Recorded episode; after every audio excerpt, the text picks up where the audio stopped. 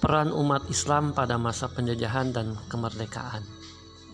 Indonesia ini kaya roti empuk yang dijajah oleh beberapa negara, bukan hanya Jepang, bukan hanya Belanda. Did you know? Tahukah kamu bahwa Indonesia pernah dijajah oleh enam negara?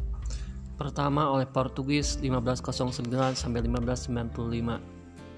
Dua Spanyol 1521 1692, tiga Belanda 4 Prancis, 5 Inggris, dan terakhir Jepang. umat Islam ini menjadi umat yang paling terdepan dalam melawan penjajahan.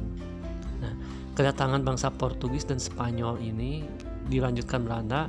Awalnya mereka hanya datang itu berniat mencari dagangan rempah-rempah. Namun karena terlalu enjoy menikmati Indonesia ini kayak surga gitu mereka ingin menguasai berlebih. Mereka akhirnya menjajah bangsa ini secara halus. Perjuangan umat Islam pun dalam mengusir penjajahan, mereka mereka dibagi beberapa tahap. Nah, kita akan bahas perjuangan mereka kali ini.